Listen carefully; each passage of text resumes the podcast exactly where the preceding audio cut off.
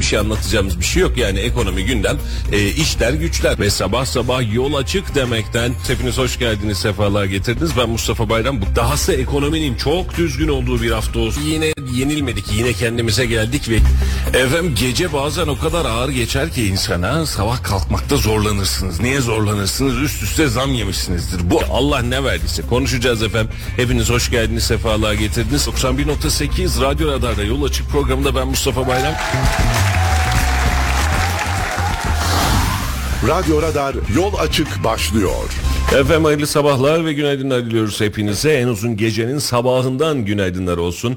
Ve haftanın artık toparlanma günleri ve bizim de artık haftanın son yayınını e, yapma günümüzde de sizlere merhabalar olsun efendim. Şimdiden hayırlı cumalar diliyoruz hepinize. Güzel haberler alacağınız güzel bir gün olsun. Uzun e, son 3-4 gündür uzun demeyeyim son 3-4 gündür camlar buzlanarak uyandığımız sabahtan e, bugün daha yumuşak bir sabah uyandık. Hava e, ve ısı derecesi olarak da bir miktar daha rahat bir havaya uyandık. E, böyle kararları görünce genelde kar mı yağacak birazcık ılımış ortalık filan deriz ama meteorolojide gösteren yağışı da görmediğimiz için şu ana kadar muhtemelen eğer bugün de görmeyecek olursak artık biz de meteorolojiden veri toplamaktan vazgeçip telefonlarımızdan veri bakmaya devam edeceğiz herhalde. En aktan alalım. Hava. En aktan alalım bence de çok mantıklı. Ha, süper oldu bu. sabah sabah.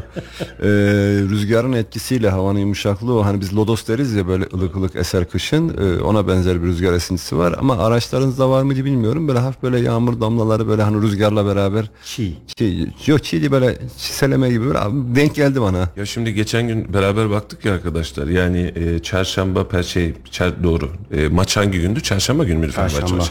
Çarşamba gün itibariyle hava güzel. Perşembe, cuma, cumartesi sağanak yağışlı, yağmurlu e, ve pazar günde karlı gösteriyordu. Şu an yeniden aynı e, meteorolojinin aynı verisine bakıyorum. Şu an itibariyle cuma karla karışık yağmurlu demiş. E, cumartesi gün karla karışık yağmurlu demiş. Pazar gün çok bulutlu demiş. Pazartesi itibariyle hava yeniden açılıyor. Buraya bakarsak buradaki tablo bu. Meteoroloji bazen böyle bir e, bir veriyor bir vermiyor. Bir alıyoruz bir alamıyoruz gönderiği e, görseli ama e, her gün bir veri paylaşımı var ama bazen tutuyor bazen de tutmuyor. Yoksa sağanak yağış ve hafta sonunda da kar bekliyorduk az daha. Değilmiş, kısmet değilmiş demek. Evet para piyasalarıyla hemen bir başlayalım. Hani yani itibariyle bankalar arası piyasada dolar kuru 29 lira 17 kuruşa, euro ise 32 lira 12 kuruşa yükselmiş durumda. Altının ons fiyatında 2049 dolarlık önemli ve yükselişli bir seviye var. Brent petrolde ise düşüş devam edecek mi beklentileri tersine döndü ve artış devam ediyor. Kızıldeniz'de yaşanan kriz sebebiyle şu an itibariyle 80 dolar 08 sentten de Brent petrol işlem görüyor bu geçtiğimiz günlerdeki yaşadığımız zaman benzerlerinin önümüzdeki günlerde de yaşayabileceğimiz anlamına ve riskine de gelmiş oluyor. Borsa İstanbul dünü uzun bir aralık düşüşten sonra bir miktar artışta kapattı. %1.33'te kapattı. 7764 puan. Ee, bunu da konuşalım.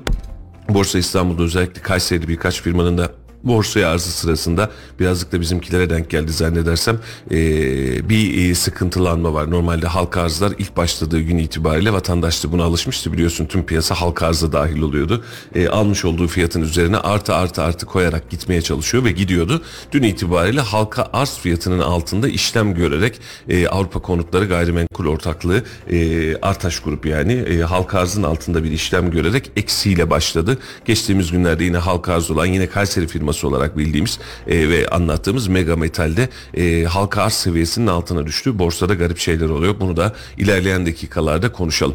Gram altın serbest piyasada 1997 liraya kadar yükselmiş. Çünkü ons fiyatı önemli bir düzlükte. Bir çeyrek altın ise 3261 liradan şu an itibariyle işlem görüyor dünya piyasası. Bakalım önümüzdeki günler ve dakikalarda hangi sürprizlerle hangi piyasa verilerine bize oluşturmaya çalışacak. Dün faiz kararı müthiş beklenen faiz kararı açıklandı ve faiz kararında 250 bas puanlık bir artışla e, ayı tamamlamış olduk. Ama Merkez Bankası açıklamasında sıkılaştırma tedbirleri bir süre daha devam edecek mesajını verdi. Yani bu yapmış olduğumuz son faiz arttırımı değil, gelecek beraberinde devamı e, anlamında meyanında e, bir mesaj verdi. Bunun piyasaya yansımaları var. Bunu konuşacağız ama önce faiz kararını konuşalım. Halicim beklediğin karardı. E, ne diyorsun?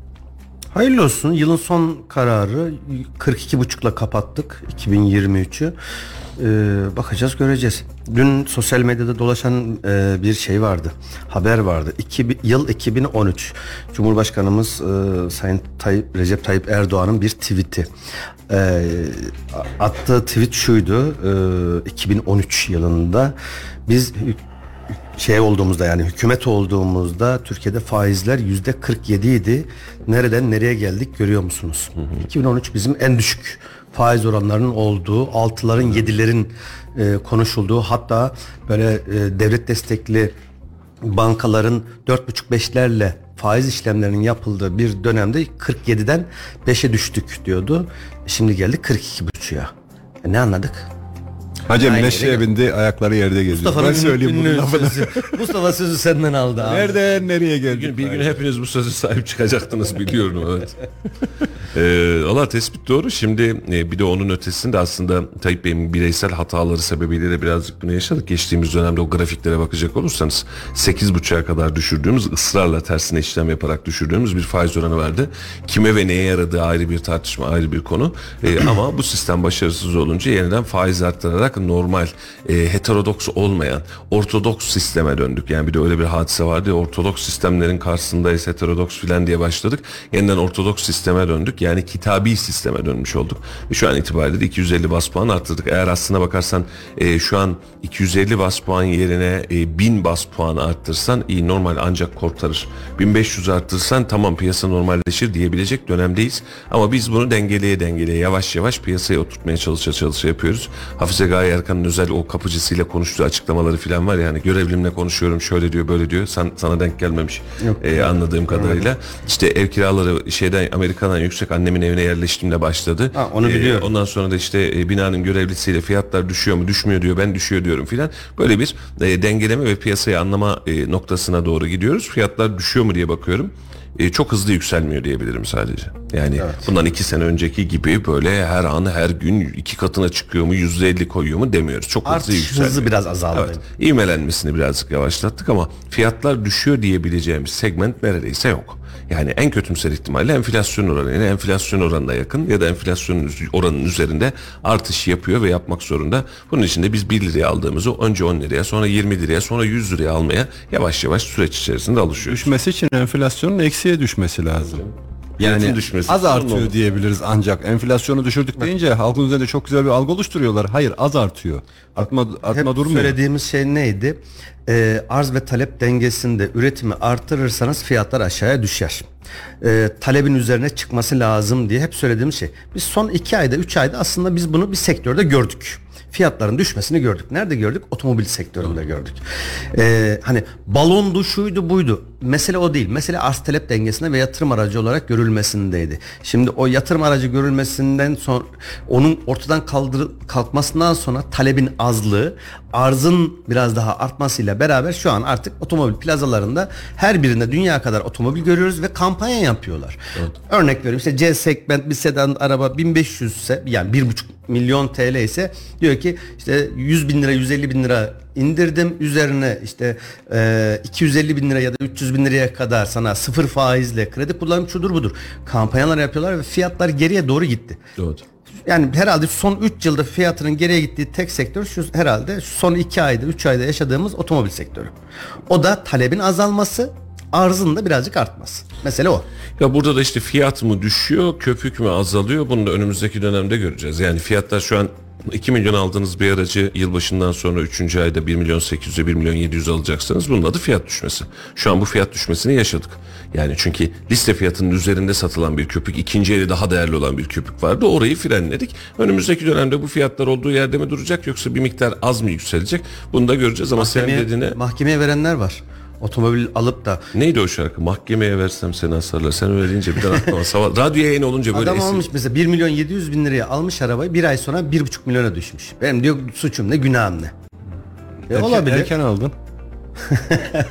Ben mesela var bu ciddi ciddi anlamda mahkemeye verenler var. bu anlamda tavan fiyattan e, altın aldığımızda bu da daha sonra düştüğünde sarrafları da şikayet etmeyi öngörürüm o zaman. Yani bu bir piyasa gidiyorsun. Bugün itibariyle Borsada önce- aynı hani şekilde. evet. Borsa hadi e, şey ortaklık hisse vesaire cartçut dersin ama ben altın aldım kardeşim olur mu? Ben 3250 liraya küçük altın almıştım. 3050'ye düşmüş. Verin benim üstümdeki paramı. Desin o zaman. Öyle bir dünya yok efendim. Yani kimse de kusuruma bakmasın. Bö- Böyle gitmiyor iş. Efendim petrol piyasası birazcık Kızıldeniz kriziyle beraber e, yükseldi ve OPEC Plus ülkelerinden de bir ayrılış var. Angola bu ülkelerden e, ayrıldı. Kızıldeniz'inden e, nakliyecilere artan saldırılar nedeniyle Kızıldeniz'den kaçınmasıyla e, iki ayın en büyük haftalık yükselişini petrol sürdürdü. E, Angola'nın ayrılması grubun birliğine dikkat çekti. Kızıldeniz'de biz çok fazla konuşmadık ama oradaki özellikle terör saldırısı ya da fidye saldırısı diyebileceğimiz saldırılar nedeniyle daha önce biz de yaşamıştık hatırlıyorsun. E, bizim gemilerimizde, nakliye gemilerimizde, petrol gemilerimizde kaçırılmış, fidye istenmiş. Hatta bunu dünyanın birçok ülkesi özellikle Somali tabanlı korsanlar sebebiyle bunu çok fazla yaşamıştı. Kızıldeniz güvenli liman değil buradan kaçının kıvamına doğru dönünce e, orada bir kriz oluştu. Zaten Kızıldeniz e, Avrupa'nın, Batı'nın ve Türkiye'nin belki de e, en büyük e, şey kritiği, e, veri kritiği. Hatırlıyorsun orada bir kanala e, gemi çökmüştü. Dünyaya ve Türkiye'ye maliyeti çok Süveyş ciddi. kanalı. Süveyş kanalında e, çok ciddi anlamda olmuştu. Şu an itibariyle de petroldeki yükseliş buna bağlanıyor. Önümüzdeki günlerde birazcık takip edeceğiz ama birazcık tansiyonu yüksek gidecek gibi görünüyor. Ama Kızıldeniz'deki olay e, fidye ya da adam kaçırma mevzusu değil. Yemen'in orada özellikle İsrail tarafına giden gemiler ya da Amerikan gemilerine karşı saldırılarından dolayı olmaya başladı. E, hatta e, içinde Türk kaptanın olduğu bir İsrail gemisi bile yani. Ama orada çalışıyor. Kaptan anlaşmış yıllardır çalışıyor. Genelde biliyorsun e, gemi kaptanları e, 8-10 yıllık sözleşmelerle imza atıyorlar oradan kaynaklanan bir şey ve sonrasında uluslararası bir güç oluşturdu Amerika. Dün hatta Yunanistan'da bir fırkateynle bu güce e, çok uluslu güce katılma kararı aldı. Fırkateyn gönderiyor. Yemen orada hülasa e, geçen gemilere izin vermiyor. Orada saldırıda bulunuyor. Füze saldırılarında bulunuyor. Özellikle İsrail ve Amerikan gemilerine karşı saldırı var. Buna karşılık da Amerika, İngiltere, Fransa gibi 7-8 tane ülke e, deniz kuvvetleri gönderdiler. Orada Kızıldeniz'de kızışacak. Süveyş kanalını kullanmak azaldı, bir hayli azaldı. Dolayısıyla da lojistikte sıkıntı var. Her anlamda Çin'den gelen konteynerler bile, gemiler bile aşağı yukarı 20 günlük bir gecikme oluyor. Bu sefer Cebeli Tarık'tan dolaşmaya başladılar. Hem maliyet hem süre olarak gecikme Kızıldeniz'deki sıkıntı bu. Sıkıntı o yani sonuç itibariyle bir sıkıntı var, Var, ve petrolde var. de bir miktar artışı gösterebilir önümüzdeki günlerde yeni zamlar görebiliriz. Efendim dünkü faiz artışıyla beraber mevduat faizlerinde %52'yi aşan bir orana e, ulaşıldı. Bankacılık sektörünün toplam mevduatı 15 Aralık ile biten haftada 270.5 milyar lira artarak 14 trilyon 874 milyar liraya yükselirken mevduat faizi de %52.2 seviyesine ulaştı. E, burada da bir SOS var mevduatı çok fazla yüklenen ve piyasada para döngüsünü azaltan e, bir sistemle karşı karşıyayız. Faizlerdeki artışı paralel olarak mevduat faizleri %52'ye aştı. Mevduat faizleri %52.50 seviye 2 e, 52.2 seviyesine çıkarken ticari kredi faizleri de %52.4 seviyesini gördü. İhtiyaç kredisi faizleri ortalama %61.7 seviyesinde şu an itibariyle. Hani ihtiyacım var ben kredi alacağım vesaire derseniz geçmiş olsun buyurun gelin %61 ile %62 ile size kredi verebiliriz kıvamına doğru döndük. Ama tüm bunlara rağmen tüketici kredilerinde büyüme hızı da artışını sürdürüyor. Bankacılık sektörünün kredi hacmi geçen hafta 71 milyar 161 milyon lira artarak 11 trilyon 374 milyar 76 milyon liraya yükseldi. Yani faizlerimiz yüksek ama biz para almaya ve kredi kullanmaya devam ediyoruz. Bu kadar yüksek faizle normal şartlarda bizim kredi oranımızın düşmesi gerekmez mi? Ahmet Bey yani faiz arttıkça krediden geri durmaz mıyız? Valla ben e, demek ki ticaret bir yerlerde yürüyor. Ben şey merak ediyorum. Bu Merkez Bankası'nın rezervleri yine rekor kırdı. Evet. Yani e, bir dönem ne kadar çok konuşuldu öyle siyasi olarak yok 128 milyar dolar şimdi 140 küsür milyar dolara çıktı. Evet. E, demek ki insanlar ticaretini bir şekilde bu yüksek faiz oranına rağmen enflasyonun ve fiyatların artmasıyla demek ki bunu karlılığa çevirebiliyorlar. Yani bizim gözümüz kesmiyor ama birileri bunu çevirebiliyor demektir diye bu düşünüyorum. faizle rağmen e, para alıp acaba ticaretimi çeviriyor yoksa sıkışan işini kurtarmak için tek çaresi mi? Ben birazcık oradayım. Yani bunu şöyle düşünün yanlış anlamayın. Şimdi e, insanlar ne zaman tefecinin eline düşer diye bakalım işe. E, darlıkta kredi bulamadığında borç bulamadığında tefecinin eline düşer. Niye? E, ya ben bu işi çözeceğim neyse şuradan da param gelecek ben bu işi sürdürebilirim der. Tefecinin eline düşen insanlar da genel itibariyle çok fazla o işten sağ salim çıkamazlar doğru mu? Verdikçe verirler ve yüksek faiz bu oranları karşılamaz. Banka, banka faizi bankalar öyle çok rahat bir şekilde veremezler ki bunu. Yani adamlar dünyanın teminatını alıyor, şeyini alıyor. Yo, yo, ya. Ahmet Bey şöyle bankalar biz seçim dönemi öncesinde ciddi sıkılaştırma yaptığı için neredeyse kredi vermiyordu. Şu an itibariyle elini kolunu sallaya sallaya bankaya gidip gerekli şartları tutturmak kaydıyla tabii ki eskiden de bu şartlar vardı ama e, ticari olarak mimli değilsen, kara listede değilsen, sıkıntılı değilsen, e, KKB'ne baktığın zaman e, tamam burada buradan yana bir sıkıntı yok diyorsa bankalar sana kredi musluklarını açıyor. Şu an hepinizin e, kullandığınız banka uygulamalarında ya da hatta telefonlara 300 bin lira, 500 bin lira, 1 milyon lira kredin hazır diyor. Normalde e, bundan 6 ay öncesinde 70 bin liraya kadar ihtiyaç kredisi alabiliyordun. 71 bin lira vermiyorlardı mesela. Evet. Ev alacağım dediğinde 300 bin lira veriyordu. 301 bin lira vermiyordu. Bu kadar verebilirim diyordu. Şimdi bankalar da işin ucunu açtı. Çünkü biriken mevduatı da bir taraftan satması lazım. Denge bozuk. Tabii ki. Yani e, milyar milyar e, Zarar eder yoksa var. eğer. O para kasasında durduğu sürece zarar eder. Tabii ki. Sana Götürüp, sat- götürüp devlet bankasına koysa karşılayamaz. Ha bir de sana sattı sen de kredi ödeyemedin. Zaten adam sigortasını yaptırıyor sattığı kredinin. Yani e, her türlü kazanıyor. Kazanmıyor mu Ali Beyciğim? Tabii, tabii. Yani sen eğer yaşlı bir gruptaysan vesaireysen sana hayat sigortasını mecburi bırakıyor. O da yetmiyor. Hadi bakalım diyor. Buradan e, ödeyemeyecek olursa ben sigorta fonumdan alırım. Bunu da varlık fonuna kefil devrederim. alıyor. Ya Bir şekilde alıyor. diyor. Yani şu an bu kadar kredinin bu kadar yüksek fiyatta alınmaya devam etmesi bana çok pozitif bir hava gibi gelmiyor. Yani gittikçe artırıyoruz. Bana da %50, mantıklı %60. gelmiyor yani. Yok şu döne şu yönden mantıklı Ee, işte yüzde 52 ile alıyor. Enflasyon oranı şu an yüzde 60'ın üzerinde. TÜİK'in açıkladığı. Reeli çok daha farklı. Kredi kullananlar tabii ki işte böyle anlık işte personel maaşı verecektir. Onları geçiyorum. Anlık bir yerden alacak kredi alan. Bak, bir yerden alacağı vardır. Alacağını tahsilde biraz gecik bir hafta gecikme vardır ya da e, iki hafta gecikme vardır ama öbür tarafta da bir anda çeki vardır bir anda e, personel maaş ödemesi vardır 100 kişinin 200 kişinin çalıştığı yerlerde onlar anlık ihtiyacını gidermek için kredi kullanır. Bu birincisi gayet normal doğal her zaman. Kredi oranı yüzde bir de olsa bu yapılır yüzde beş de olsa bu yapılır.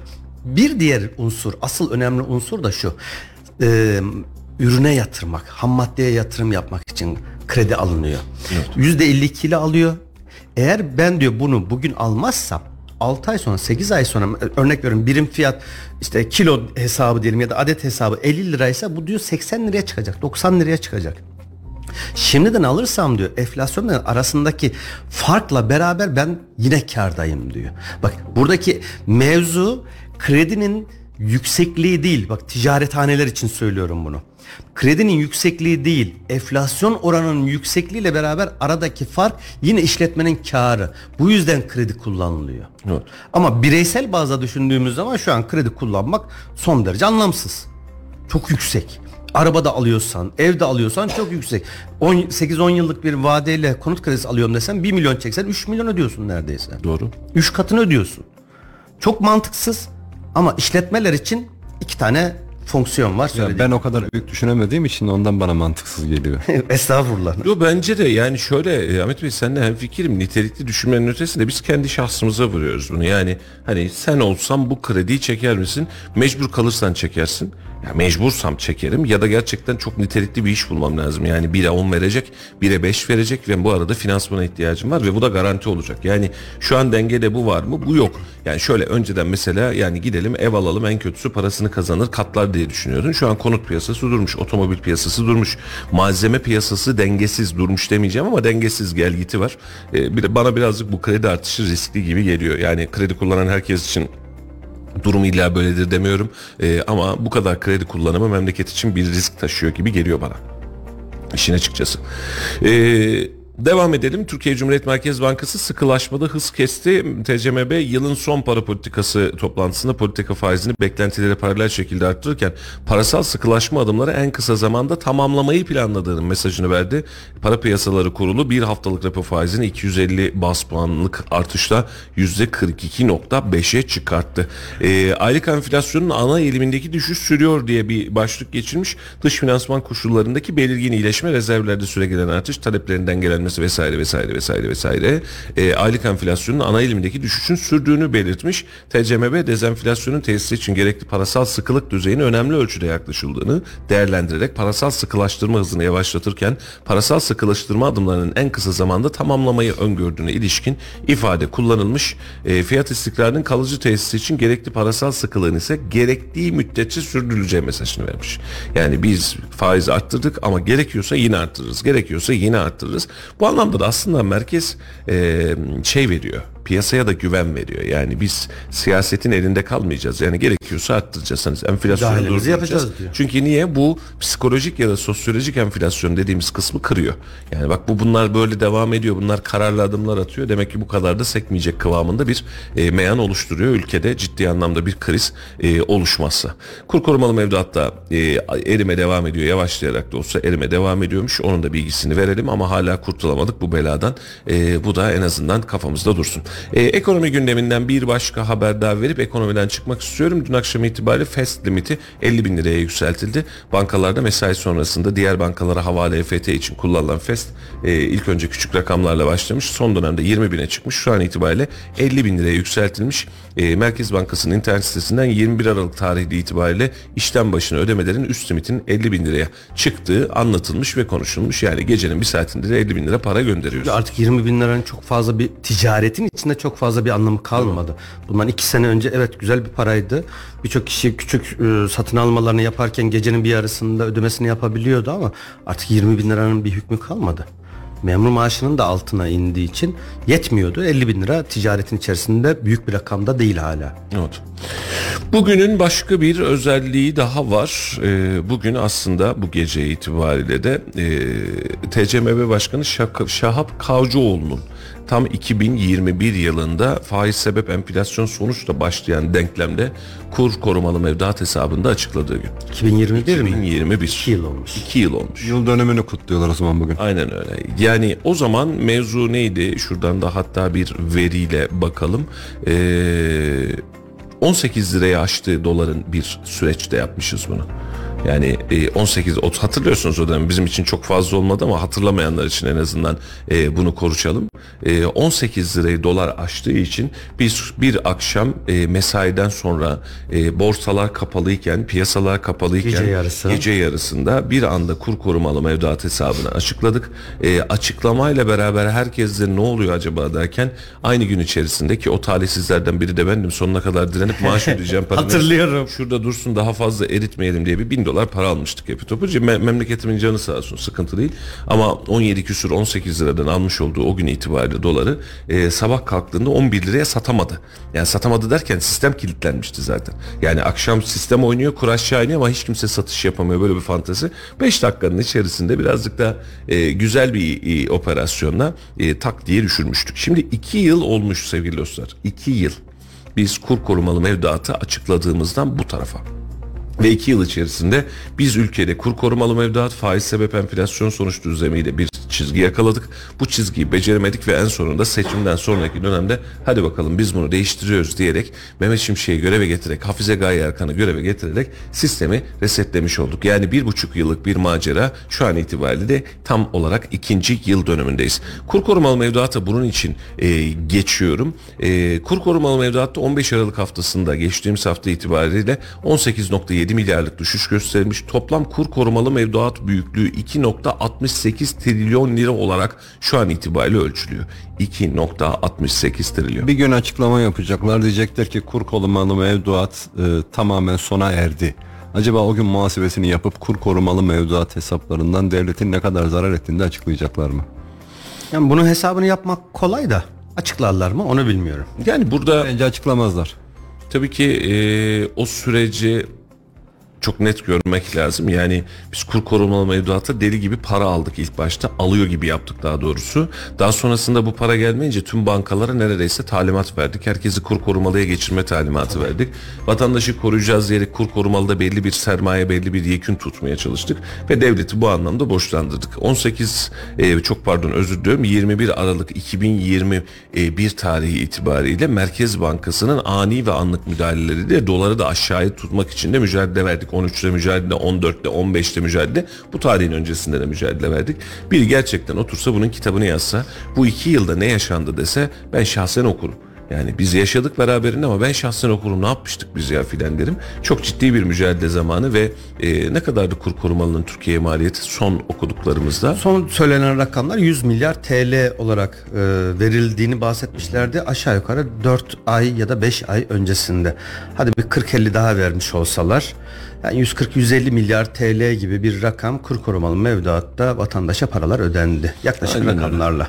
Şimdi bir müsaadenle bir fıkra anlatayım mı? Bununla alakalı 2021'den 2023'e geldiğimizde. Şimdi eski zamanlarda minnak ağanın bir tanesi yardımcısıyla beraber bir yerden bir yere arabasıyla gidiyor. Son derece ve o zamanın şartlarında lüks bir arabayla ama yolda bozuk. Eski Böyle zaman bir- o zaman çok eski değil yani yakın eski zaman. yakın eski zaman. Ee, bir yerden bir yere 1800'de, gidiyor. 1700'de. Araba maraba olunca şimdi o yüzden. Sulandırmayalım hikayeyi dur.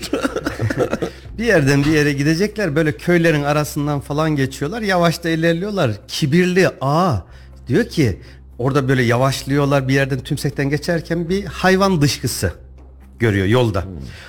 Yardımcısına diyor ki böyle kibiriyle beraber sen diyor şu hayvan dışkısını diyor yersen ben diyor şu bindiğimiz arabayı diyor sana veririm diyor. İki, sadece ikisi var.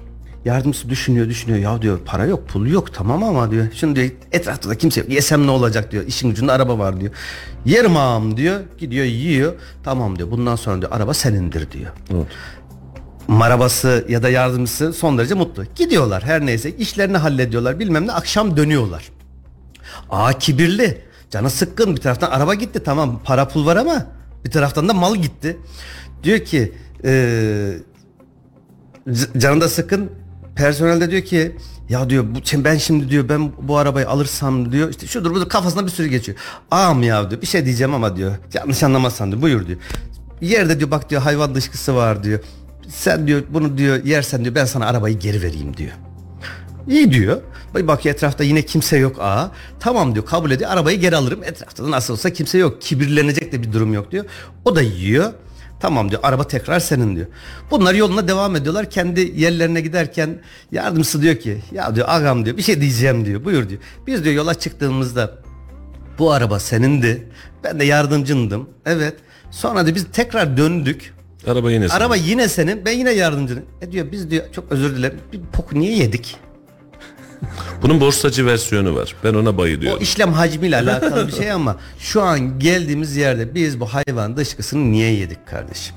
Zamanında bu önlemler neden alınmadı?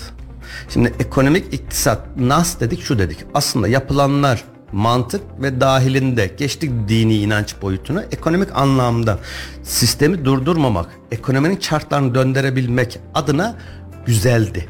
Lakin sen bunu kendi içinde yaparken senin dışında ticaret yaptığın tüm ülkeler faiz artışına gittiyse sen buna karşılık vermen gerekiyordu. Birileri faiz artırırken 18'lerden 8.5'a en son 8.5'a düşürdük değil mi biz? Evet. Nisan ayında 8.5'a düşürdük. Dibimiz o zaman 8.5. Amerika her dönemde 25-50 25-50 artırırken zamanında müdahale edilmiş olsa idi. Biz bugün bu faiz oranlarını inan bana konuşmuyor olurduk. En fazla geleceği yer 23-25 bandıydı. 42,5'u geçtik ki reelde %50'lerin üzerinde 23-25'i geçmezdi. 2018'de yaşadığımız gibi. 2018'de %25'lik politika faizine geçtiğimiz zaman of buf Türkiye tarihi bilmem ne son 20 yıl diyorduk. Onu bile ikiye katladık neredeyse. Evet. Zamanında müdahale neden edilmedi? Tüm dert dava bu. Hesabını bilmeyen çavuşlar devam edelim konuşmaya. Hesap Siz açtınız bugün ya vallahi hiç yani bu bu bu, bu denge çok enteresan yerlere gidiyor haklısınız ama takdir ettim lafı. ee, Valla e, öyle böyle iki yıl geçmiş aradan memlekette de şu an yılın sonunda faiz artırımından bahsediyoruz ve faiz artırımının nereye geleceğinden memleketin nereye gideceğinden bahsediyoruz. Bunu bir kez daha yaşamamak bence önemli. Yani şimdi biz fantezi yaşadık. Ülkeler de organik varlıklar gibi yanlış ve hatalar yapabilirler. Bu hükümetler tabanlı olur, vatandaşlar tabanlı olur, olur da olur. Bazen bir deprem gelir başınıza ve yanlış gibi böyle size çok ciddi maliyetler üretir. Bazen e, birisi gelir ben bunu böyle yapacağım der yanlışlar üretir. E, ya da bedeller ödetir size. Bu bedellerin siyasi karşılığını sandıkta görür görmez bu ayrı bir muamma ama bizim ülkece şu idraka geçmemiz gerekiyor aslında. Yani Halil e, çok sevdiğimiz insanların, çok savunduğumuz insanların yanlış yapabileceğini, doğruların herkesin e, gözünde ve gönlünde değil, bilimin gözünde ve gönlünde bakmamız gereken bir yordama oturtmamız gerekiyor. Yani e, biz bir şey konuşuyoruz, efendim bu aslında bana göre doğru, sana göre doğru olması değil. Uzun süreçte, siyasetin uzun süreçte doğru mu, memlekete neler katacak, neler gönderecek, bunlara bakmak lazım. Çok sevdiğim parti lideri bugün itibariyle Sayın Erdoğan olabilir, Sayın Devlet Bahçeli olabilir, Sayın e, Özgür Özel olabilir. Bunlar hepsi olabilir. Problem değil. E, Meral Akşener olabilir. E, çok seviyorsun diye her söylediği doğru olmak zorunda değil. Doğru mu? Yani biz bunu kendi süzgecimizden geçirip doğru kararlar verdiğimizde, gerektiğinde eleştirebildiğimizde ama doğru yaptığını da takdir ettiğimizde bu işi çözeceğiz. Şimdi geçen gün sen de vardın. İsmini söylemenin bir gereği yok. Şimdi bir siyasi partide bir hareketlilik ve birinin bir adaylık niyeti vesaire. Ya şimdi karşındaki insanlardan nefret ederek bir sistemin içinde dahil olamazsın. Biz savaşta değiliz. Doğru mu? Yani CHP ne söylüyorsa hatalıdır diyebilir misin? AK Parti ne söylüyorsa doğrudur diyebilir misin? Denmez bu. Buradan kutuplaşmadan siyasi olarak yön olma mecburiyetinden taraf olmayan bertaraf olur niyetinden vazgeçersek biz ülkede doğruları bulabileceğiz. Yoksa efendim Halil ne yaptıysa doğrudur diyerek bir yola devam edersek Halil'in gittiği yere gideceğiz. İşte kargaysa e, burnumuz başka bir yerde olacak. Yani bunun adı bu. Bunun özeti bu. Bunun için bizim zihnimizi, beynimizi çalıştırmamız ve kendi kararlarımızı memleket için doğru şekilde vermemiz, konuşabilmemiz, eleştirebilmemiz gerekiyor. Güdümlü değil. Hani kendi medyasıyla o yankı etkisiyle güdümlenerek her şey bundu. Hayır dışarı çıkıp steril bir alanda doğrusu budur yanlışı budur diyebilecek bir e, algı rahatlığına girmemiz gerekiyor. İnşallah bunu da görürüz. Efendim Çalışma ve Sosyal Güvenlik Bakanı Vedat Işıkhan TBMM Genel Kurulu'nda yaptığı konuşmada asgari ücretle ilgili komisyondan çıkacak kararın herkesin mutabık kaldığı bir ücret seviyesi olmasını ümit ediyoruz dedi. Işıkhan birinci dönemde yükselen e, devlet memurları için 3600 ek gösterge düzenlemesinde en yakın zamanda hayata geçireceklerini söylemiş. Çalışan emeklilere 5000 lira ödemesiyle ilgili de konuşan Işıkhan kanun teklifi mecliste kabul edip resmi gazetede yayınlandıktan sonra ödemeleri iki gün içinde yapacak şekilde çalışmalarımızı tamamladık demiş. Çalışan emekli hala o parayı mı bekliyor şu an itibariyle almadılar o zaman kanunlaşmadığı için. Evet henüz e, hesaplarına geçmedi. 2004-2024 bütçesi üzerinde konuşmuş Işıkhan. 2028 sonuna kadar 5 milyon ilave istihdam sağlayarak işsizlik oranımızı %7,5'a gerilemeyi hedeflemekteyiz. İstihdam ve çalışma alanında başta özel politika gerektiren gruplar olmak üzere toplumun tüm kesimlerinde yeterli bir gelire kayıtlı iş sağlığı ve güvenliğinin sağlandığı koşullarda iş imkanlarının sağlanması temel hedefimizdir. Bakanlık olarak her fırsatta sosyal paydaşlarımıza bir araya geliyor. İstişare ve diyalog mekanizmamızı canlı tutmaya gayret ediyoruz demiş. Ee, herkesin mutabık kaldığı bir asgari ücret olsun diye bekliyoruz demiş. Ee, 8 Eylül 99 tarihi öncesi sigortalarımız için emeklilikte yaş şartını kaldırdık. EYT'yi söylemiş. Tüm her bir mevzuyu aslında e, netlemiş kendi içerisinde Işıkhan. E, memur maaşlarının da %50 civarında artacağı tahmin edilmektedir demiş. Kamu görevlileri hakem kurulu kararı uyarınca memurlar için 2024 yılı için %15 artı %10, 2025 yılı için %6 artı %5 maaş artışı yapılması ve enflasyon farkının verilmesine kararlaştırılmıştır. Son 5 aylık TÜİK verilerine göre TÜFE %33.66 olarak gerçekleştirmiş. Enflasyon farkı ile birlikte 2024 Ocak ayında memur maaşlarının %50 civarında artacağı tahmin edilmektedir imiş efendim. Ve demiş ki 2002 yılında 392 olan en düşük memur maaşı 2023 yılında 22 bin liraya çıkarılarak nominal olarak 56 kat, reel olarak da %266 oranında artış sağlanmıştır demiş. Evet bunu büyük bir övgü kaynağı olarak söylüyorlar ama enflasyon o günden bugüne nereye geldi bunu da konuşmak lazım değil mi? Reel olarak dediği enflasyondan arınan kısım Ahmet Bey. Reel kısım o ya. Şimdi bak normalde 56 kat. Arada arada fark vereceğiz diyor ya. O yüzden e, verdiği zam düşük tutuyor sonra aradaki farkı vereceğim diyor. Mantık o. Nasıl? İşlem, işlem tamam yani. Anlamadım ben. Şöyle hani birinci yıl için 10 artı 15 diyor Ondan ya. bahsetmiyoruz. Katsayıdan bahsediyoruz. Şimdi diyor ki 2002 yılında e, 392 olan en düşük me- memur maaşı 2023 yılında 22 bin liraya çıkararak nominal olarak 56 kat. Reel olarak da %266 oranında artış sağlanmıştır diyor. Reeli. Reel. Yani enflasyondan arınmış halde yüzde 266 iki buçuk katına çıkmış diyor maaş. Enflasyonu çıkarsan iki buçuk katına çıkmış. Şimdi memur 2002 yılından daha mı rahat daha mı az rahat diye bakacak olursan aslında TÜİK'in geçtiğimiz o buçuk dönem kat daha içerisinde fazla alıyor. Ha, iki buçuk kat daha fazla alıyor ama e, ne kadar daha rahat geçiniyor hesap edersek TÜİK'in ne kadar doğru veri aldığını açıkladığını koymuş oluruz. Ama enflasyon verisi olarak da bakacak olursan 2002 yılında 392 lira 56 kat arttırmışız. Çok büyük bir oran. 56 kat mı yapıyor? 56 kat yapıyormuş. Yüzde kaç yapıyor? 5600 yapıyor değil mi? Öyle bir şey 56 katsa 5500'dür. TÜİK verilerine döndü bu iş ya. Bak, Yani- Hayır bak e, ülkece nerede olduğumuzun bir hesabını yapalım. Bak biz o dönemde paradan sıfır attık. 2016 ya da 2007 idi. O dönemden bu tarafa 56 kat maaşımız artmış. Maaş artarken biz hala enflasyon kıskacındaki memurdan Ya bahsediyoruz. bu mesela hep şey yaparlar ya şu analizi yaparlar işte hep 2002 yılında işte ekmek şu kadardı peynir bu kadardı süt bu kadardı otobüs bileti bu kadardı işte asgari ücret üzerinden yaparlar ve bugünle kıyaslarlar. Bak işte o zamanlar işte bir asgari ücretle atıyorum sallıyorum tüm rakamları 800 adet ekmek alınıyordu bugün 1200 adet alınıyor. İşte o zamanlar 300 kilo et e, peynir alınıyordu şimdi işte 400 kilo artılar eksiler. Ve bunu analizini yaparken de böyle hemen bir çeyrek altını araya sokuştururlar. Yok altın o, o kurva girmez. O ba- başka bir Yok fiyat. öyle yaparlar böyle bir, bir- birazcık e, olayı manipüle etmek adına. Ama mesele işte 20 sene önce 22 sene önce hakikaten biz o zamanki temel ürünler, temel evimize aldığımız ürünlerde hangisinden ne kadar alabiliyorduk? Bugün asgari ücrette ne kadar alabiliyoruz? Ya da o zamanki memur maaşıyla neler alınabiliyordu bugün? Bakayım, Reel 2002 anlamda daha iyi altın miyiz, kötü müyüz onu bilmiyoruz. 2002 yılındaki çeyrek altın kaç liraymış onu merak ettim ya. Yok o zaman altının ons fiyatı oldukça Altın ons düşük. fiyatına bakarsan daha Orada e, satın alma gücü asgari ücret falan değil. E, orada tamamen ons fiyatı 140-150 dolarlar seviyesindeydi. Bugün geldiğimiz noktada 2000 dolar. Yani altın bu anlamda doğru rengi vermiyor yani. Vermez. E, Yani o gün aldığın altınla bugün aldığın e, o gün herkes çok rahatlıkla altın alayım kenara dursun diye biliyordun. Dediğin gibi ons fiyatları düşük. Şimdi 2000 dolar abi ons fiyatı yani kolay bir hadise değil. Bunun değerlendirme kriteri altın değil ama dediğin gibi yeme içme gezme tozma hayatsal standartlar maaşın yetmesi gibi bunlara bakmak lazım. Ama 56 kat arttırılmış bir sistem bizim 21 yıl içerisinde e, ne kadar fazla 20 enflasyon- liraymış. Ne kadar? 20 lira. Bir de ons fiyatına bakar mısın o tarihte? Bizim ne kadar enflasyon karşısında kaldığımızı, enflasyonla mücadele ettiğimizi ve ülkenin çok uzun döneminde güzel dönem geçirdik biz yani. Enflasyonu minimime 13 14 yılına kadar o- iyiydik. O, çiçek gibiydi böyle enflasyon düşmüş, para çok hareketli değil, dolar kaç lira aynı fiyattır diyorsun filan böyle. O günleri gördük ve arada bunlar olmasına rağmen de 56 kat kadar artabilecek bir enflasyonla karşı karşıya. 279 dolarmış. kaç?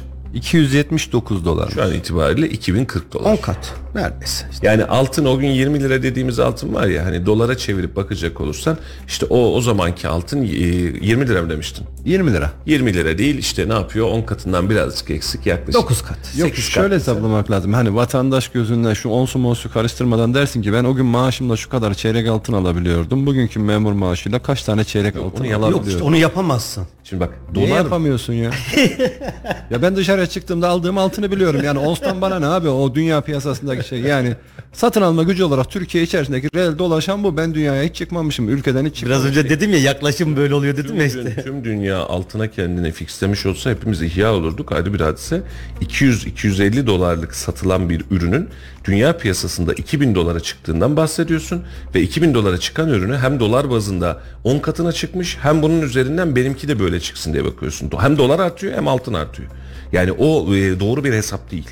Ülke O- içerisinde ama şimdi sen bunu bir alım şöyle- satım aracı olarak kullanabiliyorsun. Şöyle düşünelim. e, o gün itibariyle ülkede bolluk vardı. Misal veriyorum. Buğdayın tonunu 100 dolara alıyordun.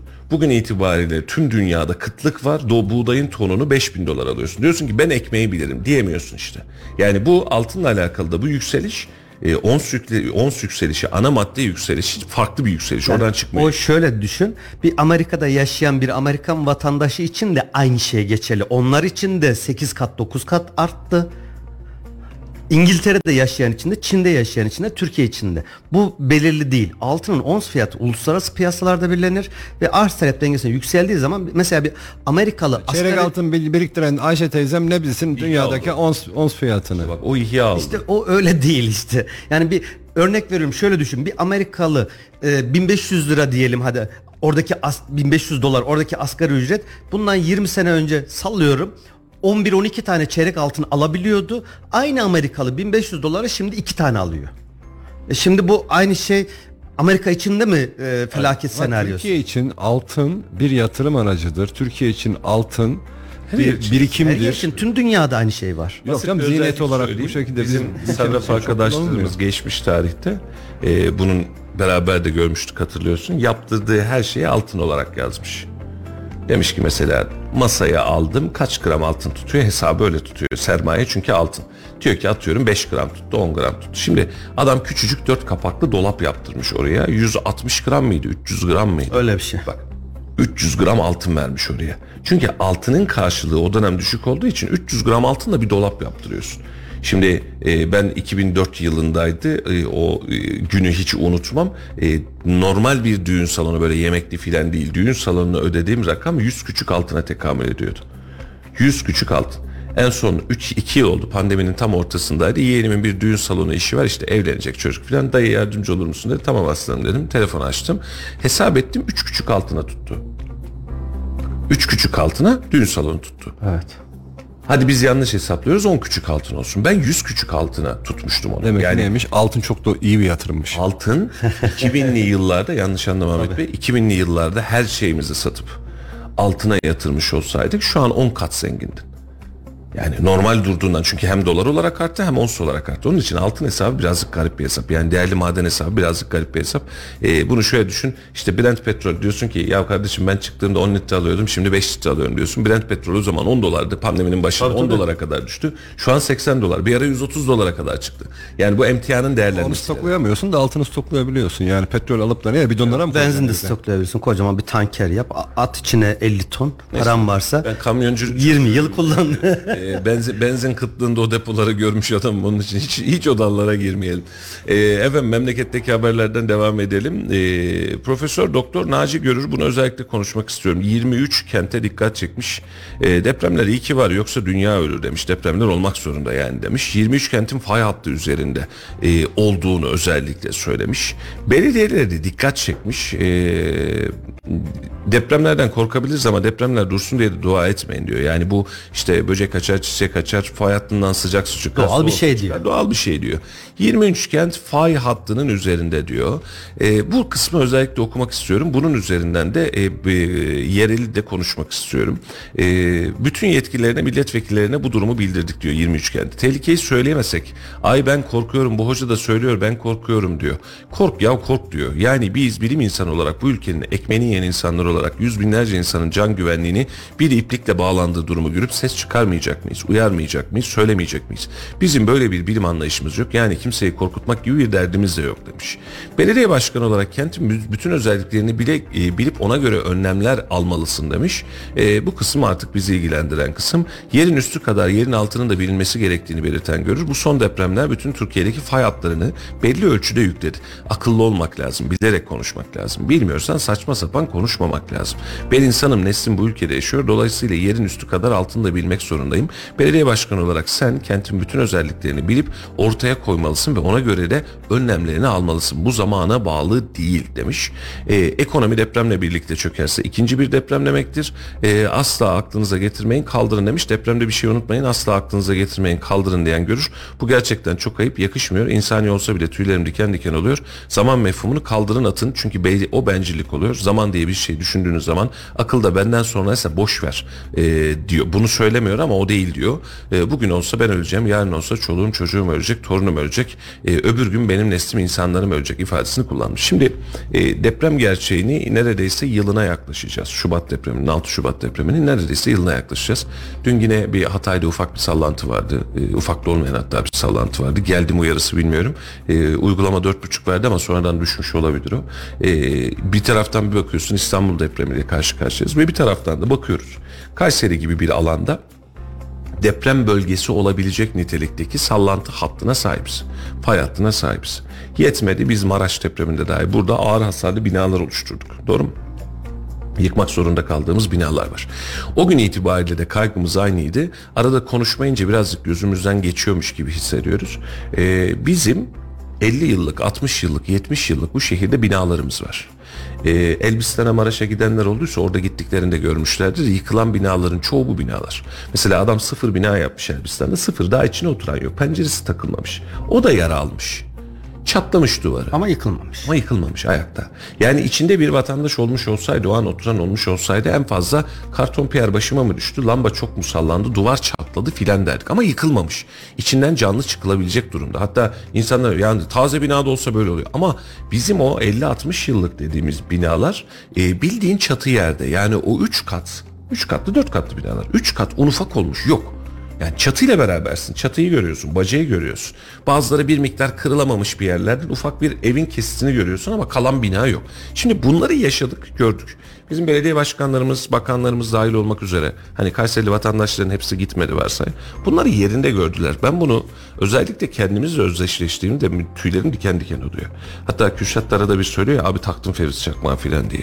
Fevzi Çakmak da Sahabiye'de, Düven önünde eski yerleşim bölgelerinde bizim bu riskimiz haddinden fazla. Kılıcarslan. Hatta bir miktar yeni mahallede, bir miktar Kılıcarslan'da. Bakın bizim eski yapılarımız var. Bu yapılar otomatik olarak zaten beton sağlığı ve beton ömründen dolayı insan e, teknolojiyi geliştirdi ama yapıyı geliştiremedi. E, tarihi eserlerde 5000 yıllık tarihi eserin ayakta olduğunu görebiliyorsun. 3000 yıllık eserin ayakta olduğunu görebiliyorsun. Ya da hadi olmadı o kadar ya 500-600 yıllık Osmanlı ya da Selçuklu döneminde yapılan eserin ayakta olduğunu görebiliyorsun. Ama biz koca koca binalar yapıyoruz. Bunların ömürleri 50 yıl.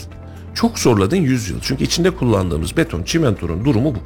E, şimdi bu sana yenileme mecburiyeti getiriyor. Ve sadece bu dönem getirmeyecek bu. Mesela bugün yenilediğimiz binayı 50 yıl sonra biz görmeyiz muhtemelen ama çocuklarımız, torunlarımız bunu yıkmak lazım. Yenisini yapmak lazım diyecek.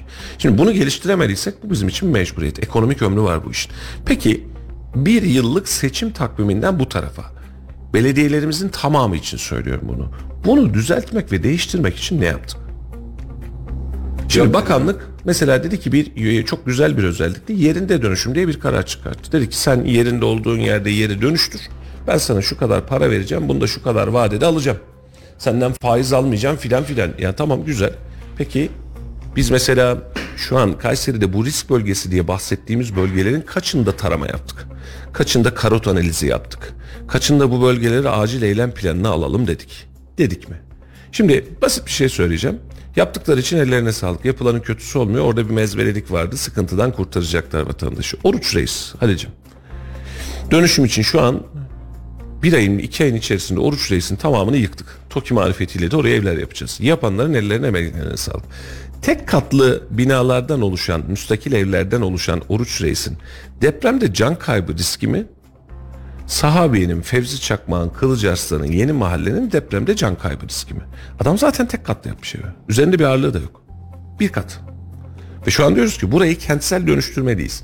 Bu kentsel dönüşüm estetik bir kentsel dönüşüm doğru mu? Yerine kaç katlı verdiler Dört acaba? katlı TOKİ binası. Aa, güzel o zaman. Sıkıntı yok. O Yok zaman yok güzel. sıkıntı yok. İş sağlıklı. Dönüşüm de gerekli yapılmasını demiyorum. Tam tersine çok da güzel oldu. Bak başta da söyledim. Yapanın eline emeğine sağlık. Çok güzel. Ama bak ivediyi geçiriyoruz ya. Bölgenin temizlenmesi daha rahat olduğu için oruçta ise başlayalım TOKİ yapalım. Tamam elinize sağlık güzel.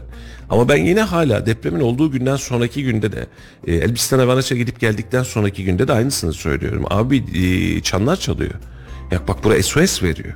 Şu an deprem olmadığı sürece sıkıntımız yok. Deprem olduğunda ne yapacağız? Ve ne zaman olacağını da bilmiyoruz. Bakın şimdi Talas'ta oturuyoruz. Ee, şehirde oturanlar var. işte köşkte oturanlar herkes bir yerlerde oturuyor. Şimdi koca koca binalardasın. Bina sallandığı için, duvarda çatlak oluştuğu için tedirginsin ayrı bir hadise ama senin binaların 2000 dönemi sonrasındaysa evet bir tık daha güvenli. Yani bunu gelen uzman da söylüyor, sen de söylüyor. Yani bu testi atlatmış sıkıntı olmaz merak etmeyin diyor mu diyor. Ama o 3 katlı 4 katlı binalarda eski yapı duvar ufalanmak üzere. Yani basit Kurşunlu Camii'nin oradan Düvenönü köşeye kadarki olan oradaki eski binalar hesap et. İçinde çok insan yaşamıyor diye görüyorsunuz ama insan var. Suriyeli, vırtı zırtı vesairesi var yani insan yaşıyor orada. Cami kebir. Hakeza. İnsan yaşamıyor mu orada? Hala yaşıyor. 50'li 60'lı yıllarda yapılan binalar. Aynen öyle. Şimdi bu bölgeyi biz ne zaman toparlayacağız? Mesela Oruç Reis'e hızla temel atıp hızla burayı kaldırırken biz Cami Kebir mahallesini neden bu aynı hızla düzeltemiyoruz? Çünkü elinde bir yasal dayanak da var. Deprem riski var. Mukavemetsiz bina var. Çık kardeşim. Yani sen bu adamın elektriğini, suyunu, doğalgazını dahi kesebiliyorsun. Burada oturamazsın diyorsun. Binayı mühürleyebiliyorsun doğru mu? E, kentsel dönüşümü de almışsın. Adama bir yer göster. Tam mağdur etme diyeceğiz ama içeridekilerin çoğu kiracı. Şimdi sahabiyede mülk sahibi olarak oturan kaç tane adam vardır abi içeride? Ama da bizim de Düven önünde işte Cami Kebir mahallesinde evimiz iki katlı. Ya oturmuyoruz şu anda kirada, iş yerinde. Aynen öyle. Yani sen o kira bedelini almasan öldürür mü seni? Yenisi yapılacak zaten. Daha değerlenecek iş. Ve biz bakın seçim geliyor. emekli maaşıyla geçiniyor yani o da onun desteği. Ya Ahmet Bey desteği ama öldürmez bizi. Yani hani buradan bir şey gelmiyor diye Allah'ım ne oluyor filan demez. Yani o adama kira desteği zaten veriyorsun kentsel dönüşümde ama yani ölürüz, kalırız, mahvoluruz diyebilecek bir hadise değil. Bir de bunu mecburi tutma şansın var. Bina sıkıntılı kardeşim. İçinde senin kiracın da oturuyorsa burada bir sıkıntı var yani başına bir şey açabilir bu. Ve biz bir yıldır dilimizde neredeyse tüy bitti. Hiç kimseye bunu konuşturamıyoruz. Belediye başkanları bakın mesaja e, geliyorlar. E, oturuyoruz, konuşuyoruz. Kentsel dönüşüm, deprem, yatay mimari. Var mı renk? Ve belki arka planda çok şey yapıyorlar da yalnız halka yansıyan hiçbir şey yok. Yani bizim görebildiğimiz bir şey yok ya da gözle görünür bu konuda bir açıklama yok. İşte bak şunları şunları yaptık bu konuyu da unutmadık diye halkın gönlüne su serpecek bir ya çalışma yok. yoktur ya da insanlara hal alıp bunu açıklamıyorlar. Yani bu- bunu bir şekilde şey yapmalar lazım. Ben şunu duymak isterdim belediye başkanlarımızdan her birinden. İmar planlarına değişiklik yaptık. Bak şu bölgede 14 kat izin vardı imar planı. Biz bunu 6'ya çektik, 8'e çektik, 4'e çektik. Yani Mart duyuyor muyuz? Ben hiç? bunu çok duyacağımızı zannetmiyorum. Duymuyoruz. Yo yo duyacaksınız. Yani o İnşallah. yani çünkü muhalefet bunu seslendirince biz bunu yapacağız diyeceğiz ama ben bunu samimi bulmuyorum. Yani seçime kadar sizi kentsel dönüştüreceğiz diyeceksin ama bir yıldır bu kentsel dönüştürmeyi daha doğrusu riskli bölgelerin üzerine analizini yapmayacaksın. Ben bana bu samimi gelmiyor. Şimdi kanun bana neye el veriyorsa, bütçem neye el veriyorsa diye bakacaksın. Ama e, bunu samimiyetle söyleyeyim. Yani şuradan bir insanın canını kaybetmesi, e, depremde düven önündeki o malum yıkılan binaya hesap et. Yıkılsaydı içinde yüzlerce insan vardı. Bunun bedelini, takvimini, marifetini neyle ölçebilirsin? Hangi parayla ölçebilirsin? Bunun bir mali bir karşılığı yok. Bunu karşılayamazsın da zaten. Psikolojik olarak da, travmatik olarak da karşılayamazsın. E şimdi gözümüzün önünde Rabbim tabiri caizse hani çok büyük bir felaket ama bize de çok büyük bir mesaj. Nereye yapılaşma yapacağımız, yapılaşmayı nasıl yapacağımız, nasıl kontrol edeceğimiz, betonun demirin nasıl olması gerektiğiyle alakalı doğru mu? Statiğine bize çok ciddi bir mesaj verdi. Halil'e katılıyorum. Şu ana kadar tek aldığımız mesaj şu. Şimdi e, şey gelecek e, buraya da neydi? E, Emlak konut gelecek sahabeye. 14-20 katlı dediğimiz alanı 14 kata hatta en son Memduh Bey'in söylediği bir miktar daha düşürmeye çalışıyoruz diyor kat sayısını. Evet yani bir anlamda bir, ad, bir artı adım atmışız. Ha şimdi bundan da şundan da bahsetmeyin. Belediyenin sahabedeki kentsel dönüşüm depremde yıkıldı diyemeyiz. Testini ha geçti tamam bu arada görüyorsun ama abi kocaman bina hala ucube. Şehrin ortasında niye bunu böyle dikersin? Bunun toplumsal tarafı da var. Psikolojik olarak korkutuyor insanları. Aynen öyle. Ve bakın seçim takvimine giriyoruz. Bu hafta önümüzdeki hafta seçim ve adaylar açıklanacak. Bunları oturup konuşmaya başlayacağız. Ee, ama tabloya bakın biz e, bölgenin ve şehrin dönüşümüyle alakalı ortaya hiçbir net takvim koymadık. Şu an tüm Türkiye'nin gözü İstanbul'u nasıl dönüştüreceğiz takviminde, bunun bütçesinde. Sayın Özesek açıklama yaparken de Çevre Şehircilik Bakanı olarak İstanbul'dan bahsediyor. Cumhurbaşkanı da İstanbul'dan bahsediyor. Peki İstanbul'dakiler tabii ki yaşasın. Onlar da bizim kardeşlerimiz, hem akrabalarımız var, hemşerilerimiz var. Bu ayrı bir hadise. Ama burada hala bir deprem attı. Ve biz bununla alakalı hiçbir şey yapmıyoruz. Biz Üzülüyorum. bundan 10 yıl, 20 yıl ya da 30 yıl önce okullarda derslerde, coğrafya derslerinde böyle deprem haritalarını gördüğümüz zaman işte Kayseri Türkiye'nin en güvenli yerlerinden biri işte. Atıyorum birden dörde kadar bir risk haritası varsa Kayseri diyorduk ki üçüncü bölge. İşte Karaman, Niğde, Konya, Kayseri, Nevşehir. Buralar en güvenli yer diye biliyorduk. Ama şimdi bir bakıyoruz uzmanlara göre bir bakıyoruz 7 ve üzerinde şiddetinde deprem olma ihtimali çok yüksek diyorlar. Yarın da olabilir, bir dakika sonra da olabilir, 100 yıl sonra da ol- olabilir. Biz bunu bilmiyoruz. Ama ne olacağını bilmediğimiz bir durumda her gün tedirginlikle bak kendim dahil olmak üzere birçok insan hala evinde tedirgin. Azıcık bir orada lamba sallansa kalp krizi geçirecek kadar panik atak düzeyine gelen insanlar var. Ben kendim hala bak söylüyorum açık açık söylüyorum. Hala kendim depremden bu tarafa antidepresan kullanıyorum. Depremden önce hiçbir şey yokken depremden sonra bunu yaşadım. Allah esirgesin, Rabbim esirgesin. Bak bu başka bir şey. Ama ben şu, önümüzde 3 aylık bir zaman var seçime. Hangi partiye ya da hangi adaya oy vereceğiz? Bak ben hangi adaya oy vereceğimi söyleyeceğim ben depremle alakalı Kayseri'de ciddi anlamda vaatlerde verene, yatay mimariye geçeceğiz diyene, artık Kayseri'nin kronikleşmiş olan trafik sorununu çözeceğim diyene ama önüme somut delillerle lafta e, şöyle olacak böyle olacak diye değil beni ikna edecek düzeyde bilgilerle verecek kim varsa hangi adaysa partisine bakmadan ben o partiye oy vereceğim. Hiçbiri bunun ağzını almadı mı? Açık söyleyeyim sandığa gitmeyeceğim.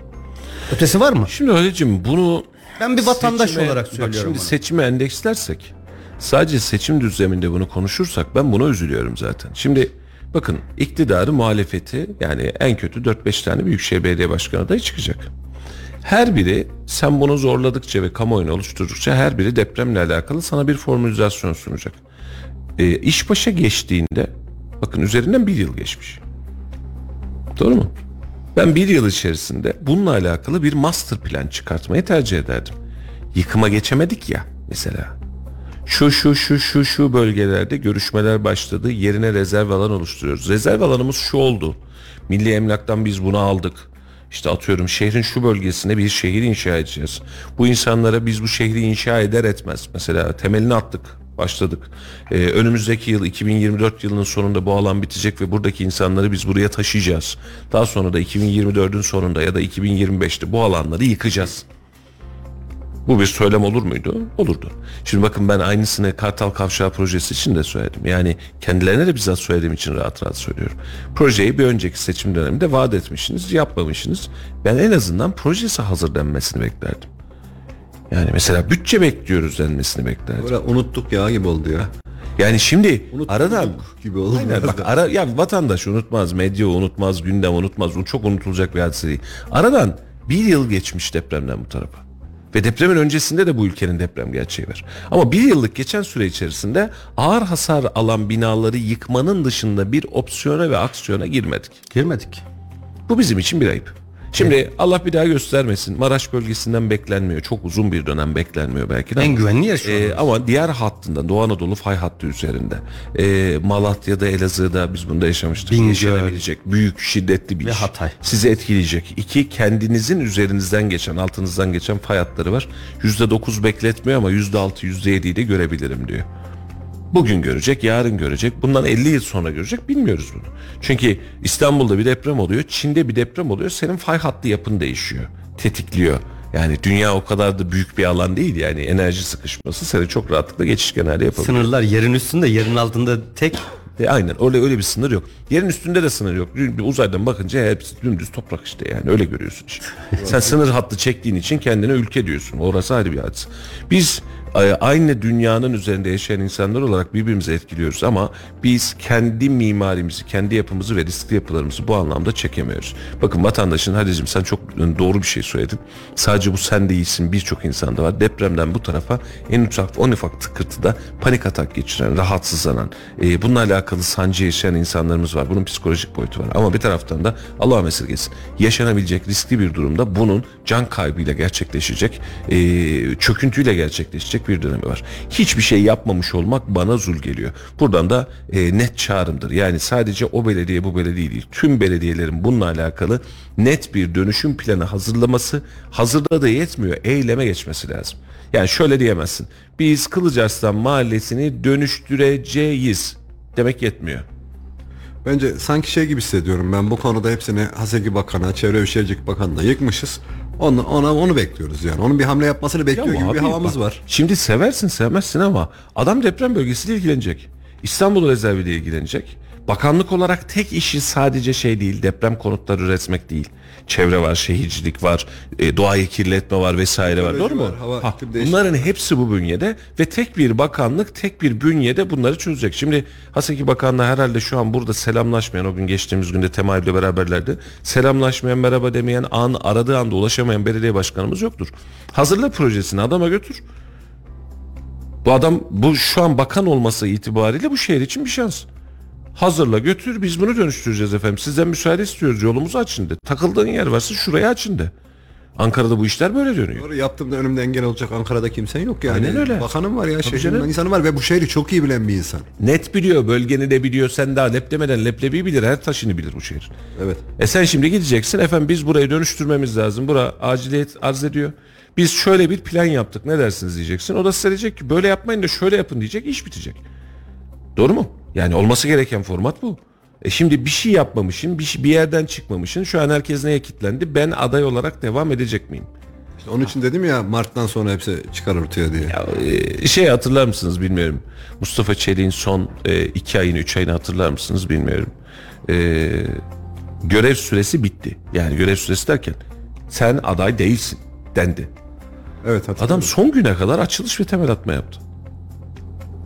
Elinde bir görev var. Doğru mu? Yani şu Talas tramvay hattının kredisi bile o adaylık süreci geçtikten sonra yanlış hatırlamıyorsam. Şimdi mantığı ve matematiğe biraz böyle bak. hiçbir şeyden. Elini çekmedi.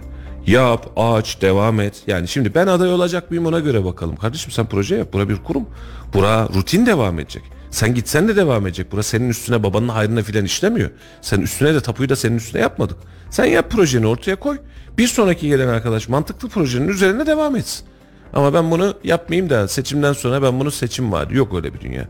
Ve net söylüyorum ben e, geçtiğimiz bir yıldaki dönüşümsel İnsan, insanların süreci- hayatıyla seçim şeysi olmaz yani. Aynen öyle. Dönüşümsel süreçte e, ve riskli bölgeler sürecinde çok mantıklı iş yapmadığımız kanaatindeyim. Benim fikrim bu. Hem fikiriz. Hiçbirinden de hep böyle bir söylem duymuyoruz. Ee, yeni rezerv alanlar oluşturulmuyor. Yeni imar planları yapılmıyor. Müstakil yaşam ya da yatay mimari sadece müstakil yaşam demeyeyim. Yatay mimariye doğru düzgün geçilmiyor. Bak ben bunu iki yıl önce de söylüyordum. Hala aynı fikirdeyim. Keşke Kayseri'de tüm e, imar ve inşaat planlarını TOKİ yapsa. Değil mi? Çiçek gibi yapıyor. Dört gibi. katlı mis zemin artı 3 ya da zemin artı 4 diyor. Çiçek gibi işlerini yapıyorlar. Çok güzel park alanları, otomobiller için park alanları, çocuklar için gayet güzel. Ama biz ne yapıyoruz? Merdiven atsan karşıdan karşı 3 metre 5 metrelik merdivenle karşı binada Ya- 12. kattan 12. Hayır. kata geçebiliyorsun. Bak, e, sen çok fazla içindesin. Yeni yaptığımız müstakil yaşamlara villa dediğin ya da yeni tip gece kondu diyebileceğin yaşamlara bir bak. Allah rızası için ya sırt sırta ev mi yapılır? Aradan adam zor geçiyor. Bak orada bile sancımız var. Yani arsadan tasarruf edeceğiz. Çok fazla para kazanacağız. Adam tutmuş villa yapmış. Bugün itibariyle 5-8 milyon minimum para verecek bir villa alacak bir adam. Yani bak minimum. milyona villa Minimum. Bu para alacak mı? Verecek. Abi bir bakıyorsun dibinde ya.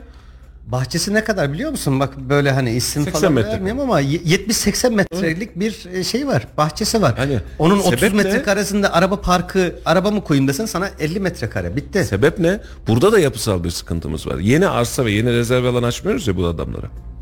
Adam şimdi gitmiş. Halil'in orta arsası var bulmuş. Halil arsan kaç metrekare? 3600 küsür metrekare. Diyor ki ben buna 500'den yapsam diyor. İdeali 500 gibi görünüyor. Normali 1000 bun. Yani binlik parselde bir tane yer olur. Bak normali. Hadi geçtik 500'e yapayım diyor. Yarıya düştü biraz daha şehir tipi olsun diye. Şimdi bir bakıyorsun 300 metrekareye 280 metrekareye adam villa kondurmaya çalışıyor. Niye? Halil'in arsasına 5 tane yapmak yerine 10 tane yapacak. Halil daha fazla yer alacak. Müteahhit daha fazla kazanacak. Niye yapıyoruz bunu? Halil daha fazla kazansın. Müteahhit daha fazla kazansın diye. Peki bizim tonla rezerv alanımız var. Tonla. Milli Emlak'tan alabileceğimiz, belediyenin uhdesinde olan imara açabileceğimiz, bizim olmasa bile imara açabileceğimiz hiçbirinde hareketlilik yok. Şehrin yazısı, yüzüsü Yani her tarafı bomboş ama biz hala var olan yanlışlıkla çıkmış rezerv alanın üzerine taht kuruyoruz. Efendim şuraya bir Merkeze villa. sıkıştırmaya devam ediyoruz. Ya şimdi geçen muhabbet var ya 2000 metrekare yeri var. Normal şartlarda ya böyle adam düşünsene yani iki tane yer yaparsın biner metrekareden. Adam acaba altı taneyi nasıl sığdırırız onun derdinde. Sekiz taneye geçer mi onun derdinde. Yani bu şeye benzedi işte o hani şerefiye paylarıyla 8 kat ya da 10 kat müsaade olan yere 14'e çıkıyor ya. Aynı şey üretimi artırırsan senin fiyatların geriye doğru gider. Ya 2 sene 3 sene yani geçmedi mi ya 3 yıla bile gerek yok. 1 yıl önce tam 1 sene önce 1 milyon 700 veya 2 milyon civarındaydı. Maksimumu ilde mi, Erkilet'i, e, Altınoluk Bakın benim kadar bilen bir sürü insan var sürekli takip eden. Aynı yere git 5-6 milyonun altında ev yok. Bu memlekette enflasyon 3 katına mı çıktı? Yok. Dolar 3 katına mı çıktı? Yok. Hiçbir şey bu kadar artmamışken, 3 katına çıkmamışken 6-7 milyonun altına zaten yok da ortalaması hani şöyle bir, or- biraz güzel bir şey olsun dediğin zaman 7-8 milyon. Altınoluk 10 milyondan başlıyor. Erkilet öylesine. E demek ki o zaman hani talep var, arzda sıkıntı var. E ne yapacaksın o zaman sen? Belediyesin ya. Bir sürü milli emlaktan yerin var. Kendi rezerv alanların var. Aç imara. Ver şeye hatta çizimini de kendin yap. Öyle bir güzel bir planlama yap ki. Çizimini kendin yap. Sen buraya şu planla ev yapacaksın. De uygun fiyata ver. O zaman o hani 2 milyondan 8 milyona çıkaranlar da geriye doğru bir gitsin bakalım. Evet. Arzı arttırmadığın sürece sen bunu yapamazsın. Ve birçok kişi artık böyle bir evimi satayım, arabamı satayım, şuradan borç bulayım, kredi çekeyim, alayım, acaba nasıl olur diye hesaplayanların hepsi şu an planlar çöp. Hepsi artık hayal olmaktan bile çıktı. Evet. Ulaşılamaz bir noktaya geldi.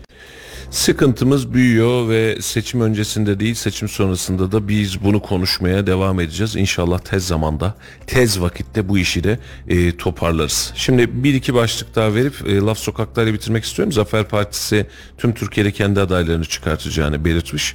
E, Yüksek Seçim Kurulu mahalli liderler seçimi sırasında siyasi partilerin gelen sonuçları YSK'ya düştüğü anda anlık takip edebileceklerini duyurmuş. Detayların yer aldığı genelgeyi de resmi gazetede yayınlanmış. Biraz daha teknolojik hale geçiyoruz. AK Parti'de ise aday belirleme mesaisi AK Parti e, sözcüsü Ömer Çelik açıklama yapmış. Aday belirleme çalışmalarındaki son durum hakkında açıklama yapıp şu ana kadar 10 ilde istişare çalışmalarının tamamlandığını belirtmiş. Başkan adaylarının ne zaman açıklanacağı sorusuna ay sonu itibariyle söylenmişti ama takvimde bir esneme olabilir acelemiz yok demiş yani. buyur. Hani rahatız demiş.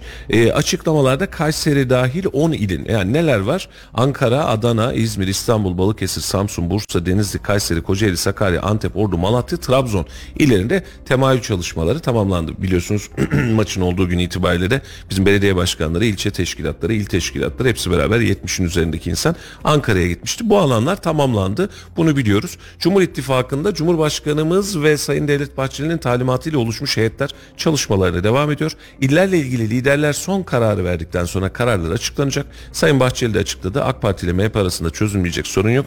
Diğer bileşenlerle ilgili de Cumhurbaşkanımız diğer liderlerle görüştü. Genel merkezlerimiz sonuçları değerlendiriyor. Cumhur İttifakı'nda bir problem yok demiş. E, ben buradan şunu anladım. Biz Kayseri mesela şu an itibariyle operasyonu bitti. Ee, İzmir'in bitti, Ankara'nın bitti, Adana'nın bitti. Ee, biz bunları tamamladık. Ee, ittifak problemiyle alakalı bunun üzerinden bir geçeceğiz. İttifakın da problem olmadığı zaman biz bunları açıklayacağız. Diğerlerine de acelemiz yok. Yavaş yavaş açıklayacağız gibi algılıyorum bu Umarız açıklamayı. ki hep söylüyoruz ya liyakat, liyakat, liyakat diyoruz ya. İnşallah umut ediyoruz ki tüm partiler için söylüyorum bunu. İşte şunun çevresi varmış, bunun etrafı böyleymiş demek yerine şunun vizyonu böyle, bunun liyakati böyle, bunun eğitimi şu şekilde diye e, inşallah iş yapacak birilerini aday olarak gösterir. Üniversitelerde belediye başkanlığı için bir okul yok değil mi ya? Kamu yönetimi var bildiğim kadarıyla sadece. Doğru. Ya, kamu yönetimi var, Ya iktisadi burada şey bilimler yapabilirsin fakültesi mesela dersi. çevre e, mühendisliği yapabilirsin. Şehircilikle alakalı, çevre planlamayla alakalı e, mimaride bölümler var. Şehir bölge planlamacı gibi bölümler var. Bu bölümler aslında bunun için bir altyapı ama biz bunları yönetimsel değil daha çok üretimsel yani e, belediye bünyelerinde vesairelerde birim olarak düşünüyoruz. Yani şehir bölge planlamacısı gelsin şunu çizsin. Mühendis gelsin şunun hesabını yapsın gibi düşünüyoruz. İdarecilik anlamında Belediye başkanlığı diye bir bölüm olsa. Genelde Sayın, Sayın Özteseki Fahri Doktor alırken bunu söyledi. Sonra da lafı toparladı Kayseriler üstüne alınmasın diye bizimkileri söylemeyerek söylüyorum diyor. Şimdi vali e, bir yere gelmek için e, okulunu okuyor. İşte kaymakamlıktan başlıyor stajını yapıyor. Kamu yönetiminden İşte, ha, gidiyor. Yani ama diyor belediye başkanının böyle bir okulu yok. Yani biri gelecek şansına kaderine bunun içinde birazcık sıkıntı var. Avukat olacak, doktor olacak, mühendis olacak yani belediye başkanının geçtik profilleri. vekil olmak için ilkokul mezunu olmak yetiyor. Bu belediye başkanlığında çok farklı değil. Valla memleket için hayırlısı olsun. Ee, her belediye başkanı seçtiğimizde layık olduğunuz ya da vekil seçtiğimizde layık olduğunuz gibi yönetilirsiniz ifadesi gözümün önüne canlanıyor. Ee, ben belediyelerden, kamudan ya da siyasiden çok ekstrem bir çıkış değil. Tam tersine vatandaşı bilinçlendireceğimiz, vatandaşın tercih sebeplerini değiştirebileceğimiz çıkışları önemsiyorum. Yakın vadede çözülecek bir iş değil ama vatandaşı eğitmek lazım. Ne istiyoruzu bilmesi lazım vatandaşın. Yoksa padişahım çok yaşayla ömür geçmiyor. Efendim e, Laf Sokak'tayla sonra geleceğiz. Laf Sokak'ta da yerel seçimi sorduk. Belediye başkanlarından kimler aday olur? AK Parti'nin Kayseri adaylarının belirlenmesi için Cumhurbaşkanı Erdoğan yaklaşık 70 kişiyle dün yüz yüze görüştü. Sizce belediye başkanlarından kimler aday olur? Siz belediye başkanı koltuklarında kimi görmek istersiniz diye sokağa sormuşuz. Bakalım sokak neler söylemiş. Bizim Laf Sokaklarının da bir özelliğinden bahsedeyim size. E, yayınlanmadan önce ben de mesela seyrettiğimde hakikaten mi ya filan dedim. E, ama biz Laf Sokak'ta da ekipteki arkadaşlara hiçbir taraf talimatı vermeden e, ki 2000 bölüme yaklaşık herhalde Laf Sokak'ta yaptık şu ana kadar. Belki de fazlası olmuştur. E, bizim için mesele şu sokak ne diyorsa küfür hakaret olmadığı sürece her alınan kayıt yayınlanır. Bunun için de böyle bir Laf Sokak'ta dinleyeceksiniz. Bunun da bilgisini vereyim. Efendim haftanın son günü bugün itibariyle günü tamamladık e, yol açıkta. E, pazartesi gün Allah'tan mani çıkmazsa yeniden sizlerle birlikte olacağız. Bu akşam e, Gündem Kayseri programında saat 19'da Tomarza'ya konuk olacağız. E, Tomarza Belediye Başkanı da bize konuk olacak. Tomarza'yı birazcık konuşacağız. E, bu akşam saatleri itibariyle bundan da e, bilgisini vermiş olalım. Pazartesi gün yol açıkta yeniden birlikte olacağız. Pazartesine kadar güzel haberler alacağınız bir hafta sonu e, sizin olsun efendim. Yeniden görüşmek üzere. Hoşçakalın. Hoşçakalın. Hoşçakalın. Ya bu şimdiki belediye başkanlarının hepsini görmek istiyorum ben. Menduh Büyük Kılıç. Abdullah Gül isterim ben. Mevcutlar e, bence mükemmel. Parti'nin Kayseri adaylarının belirlenmesi için Cumhurbaşkanı Erdoğan yaklaşık 70 kişiyle dün yüz yüze görüştü. Sizce belediye başkanlarından kimler aday olur? Siz belediye başkanı koltuklarında kimi görmek istersiniz? Valla şu durumda ben şunu görmek isterim diye bir şey söyleyemem. Artık yukarıdaki büyükler daha iyisini bilirler. Mevcut olanlarından birini de tercih edebilir veya başarılı görmüyorsa değiştirebilir. Büyükşehir Belediye Başkanı e, Büyük Kılıç var. Hadi Büyük Kılıç'ı söyleyeyim. Vallahi isimlerini bilmiyorum da ben kuruluştan beri AK Partiliyim. AK Parti'den başka kazanacak yok yani. Kime vereceğiz? Hiç kimse kazanamaz. Kayseri'de en iyi çalışacak parti olarak AK Parti'nin belediye başkanları çalışkan. Ben hiç görmedim daha CHP'nin halk kazandığını görmedim. Ya bu şimdiki belediye başkanlarının hepsini görmek istiyorum ben. Devam etmesini istiyor. Ben köydeyim kızım da bilmiyorum bir. Tomarza. Bizim belediye başkanımız var iyi. Biz ondan memnunuz. He. Menduh Büyük Kılıç. Çok iyi çalışıyor, güzel. Ben onda e, AK Parti'den memnunum. Belediyelerin çalışmasına bağlı. Eğer iyi çalışırlarsa, çalışırsa kazanırlar. Ama çalışmaz da şey yaparlarsa kaybederler. Bizim Kayserimiz için kim hayırlısıysa o olsun. Menduh Kılıç mı, öbür adaylar tabii ki. Kim daha iyi yönetecekse o olmasını isterim. Milletimiz için, vatanımız için hangisi iyiyse onu görmek isteriz. Ya Kayserimizi çok özledik, çok geldik. Her zaman böyle güzel olmasını isteriz. İnşallah daha daha güzel yerlerde oluruz. Gülü gülü. Ben Kayseriliyim. Abdullah Gül isterim ben. Kayseri'de hangisi iyisiyse onu görmek isterim. Ben Kayseriliyim. En iyisi Gül. Kayseri için mevcutlar e, bence mükemmel. Menduh Bey, Palancıoğlu, Talas'taki Mustafa Yalçın gerçekten mükemmel insanlar. Milliyetçi Hareket Partisi'ne çok az veriyorlar. Bunları biraz genişletmelerini istiyorum. Mesela Pınarbaşı'nda Menduh Uzunluoğlu, Sarız'da Baki Bayrak, Özvatan'da Felaye tarafında. E, bunlar çok başarılı belediye başkanları. Gerçekten çok başarılı. AK Parti ile Milliyetçi Hareket Partisi'nin birlikte olmasından da çok onur duyan, gurur duyan bir vatandaşım. E, mevcutlar çok çok iyi. Tabii ki takdir kendilerine ama benim özellikle vurgulamak istediğim Milliyetçi Hareket Partisi'ne biraz daha fazla. Büyükşehir'de Memduh Büyükkılıcı istiyoruz. Bence başka partilerinde girmesi gerekiyor diğer partilerde. Benim isteğim bu şekilde. Yani tek iktidar olması bir yönden belediyeler meclisinde sıkıntı vermeye başladı. Bunun da milletimize faydalı olması için de farklı partilerine meclise girip, belediye meclislerine girip önergeleri değiştirmeleri gerekir. Tek kişinin tüzeli olmaz. Önemli olan birliktelikle çıkan fikirleri tartışıp ortaya çıkar. Daha başarılı yola gitmek. Önemli olan da bu. Ya ben yine çolak bayrakları tavsiye ederim. Ya ne bileyim zaten şu an AK Parti dönemi olduğu için başka parti bir şey yapacağını zannetmiyorum. Onun kazanacağını da biliyorum. Yani mecburiyetten. Şu an hizmetler Yok, nasıl anne? yok anne hizmette yapıyor. Herkes o zaman niye kendine veriyorsun yapıyor. oyunu? Ben vermeyeceğim ama onun kazanacağını düşünüyorum. Ben vermem. Şu an pek bilmiyorum ama ben AK Parti'yi AK Parti haricinde kim olursa Kim olsun. olursa olsun ona veririm diyeyim. CHP'de değilim ama ben milliyetçiyim biraz.